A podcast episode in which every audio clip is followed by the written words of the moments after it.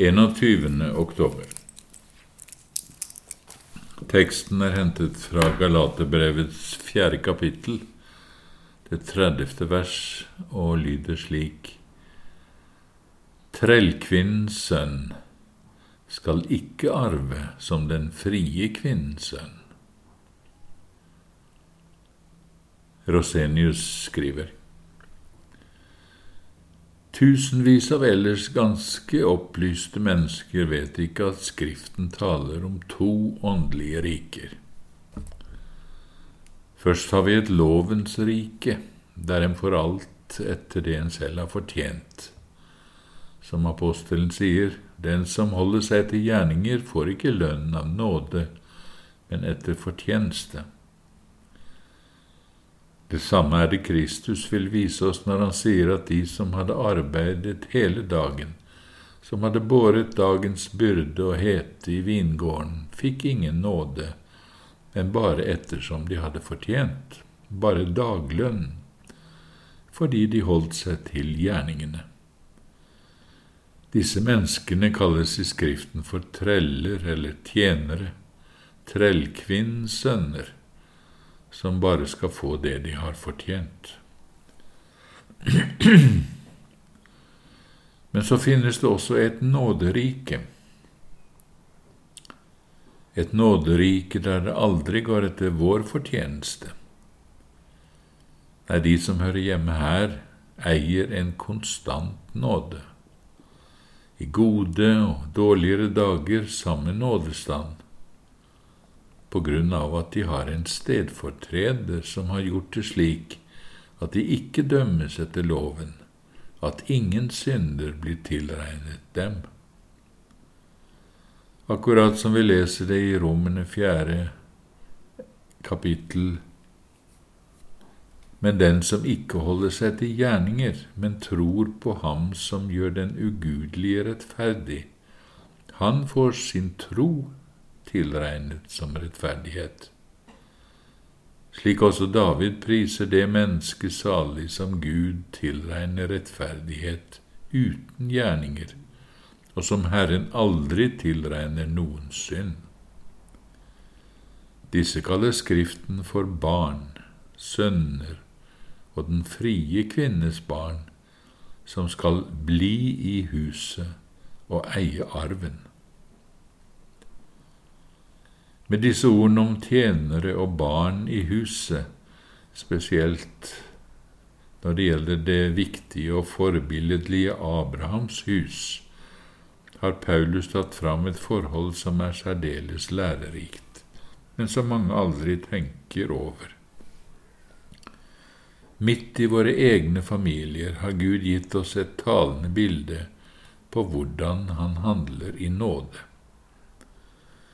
ser vi ikke hvordan barna i hjemmet vårt, i barna i hjemmet vårt legemlig sett nettopp lever i en slik nådehusholdning.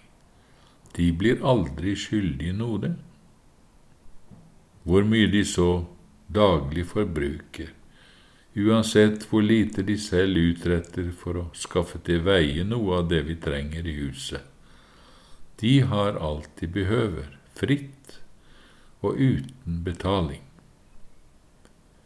De får sin mat og drikke, sine klær, sitt stell, sin seng, sin oppdragelse. Om de kanskje selv ikke skaffer til veie noe som helst, men bare forbruker, blir de aldri skyldig noe. Og så til slutt, etter i mange år bare å ha mottatt alt mulig godt, så skal de til og med motta arven. Tjenerne i huset, derimot, de har strevet trofast med tungt arbeid. Det er kanskje nettopp dem som har skaffet alt dette hjemmet lever av, men med dem blir det holdt regnskap. Hvis noen av dem gjennom året har tatt ut mer enn lønnen som er avtalt, så står de til slutt med gjeld.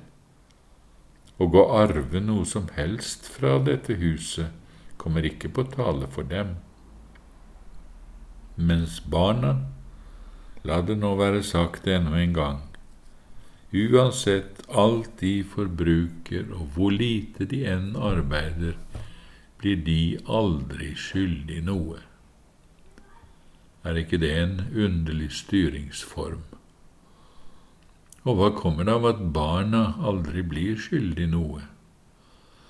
Ja, det kommer jo bare av at det aldri blir ført noe regnskap med dem. De er jo barn, sier vi. Og hvem holder vel regnskap med barna så lenge de bor hjemme? Ja, dette er Guds rikes hemmelighet. Med barna føles det aldri føres det aldri regnskap. Om vi står med gjeld eller er gjeldfrie, avhenger bare av om vi er tjenere eller barn, trellkvinnens sønner eller den frie kvinnens barn. I din egen familie ser du det, sanne, det sanne bildet av nåderiket, det bildet Skriften så titt bruker. Akkurat som med dine barn er det med dem som er i Kristus, og som lever i barnekår hos Gud. Det føres ikke noe regnskap med dem. De er det folk som Gud ikke tilregner noen synd. De lever av nåde på grunn av alt deres førstefødte bror har fortjent. Derfor lever de i en uavbrutt barnekårets nådestand. Og er dette sant? Er det mulig at det også finnes et slikt nåderike på jorden? Ja, det er sant. Skriftens ord står evig fast, selv om våre ustadige hjerter er gjennomtrengt av loviskhet og ikke kan holde fast på denne salige trøsten. Men Skriften lyver ikke. Derfor er dette alle troendes tilstand, at Gud ikke tilregner dem noen synd til fordømmelse, at de er Guds elskede barn. De lever under samme nåde hos Gud de dagene det går dårlig for dem, som når det går bedre. Når de fryder seg over at de får kraft til å gjøre noe godt, og når de sukker over sine synder og dårskap, så de roper til Herren i hjertets angst. De sier den samme nåde, de eier den samme nåde når de smaker og ser hvor god Herren er, som når de gjennom langvarig tørke bare får smake malurt og galle. Men hvis det ikke er slik, hvis vi er mer velbehagelig for Gud bare når vi får nåde til å leve et mer hellig kristenliv, da kommer jo rettferdigheten av våre gjerninger, og da er altså Kristus død forgjeves. Da lever vi i et gjerningsrike som hersker over nåden, og ikke et nåderike som hersker over gjerningene. Vi innrømmer at denne læren er den største galskap for vår fornuft, for alt som i oss er. Følelser, fornuft og samvittighet er full av loviskhet, så vi stadig trekkes ned i loviske holdninger. Men skulle vi derfor bare for alvor tro det ut fra vår natur mener og kjenner? Det ville være det samme som å falle fra troen. Nei, nåderiket, der ingen synd tilregnes, det er summen av alt Kristus har fortjent ved sitt fullbrakte verk, og av hele Skriftens tusentalls vitnesbyrd om det samme. Gud være lovet i evighet for sin ubeskrivelig store gave.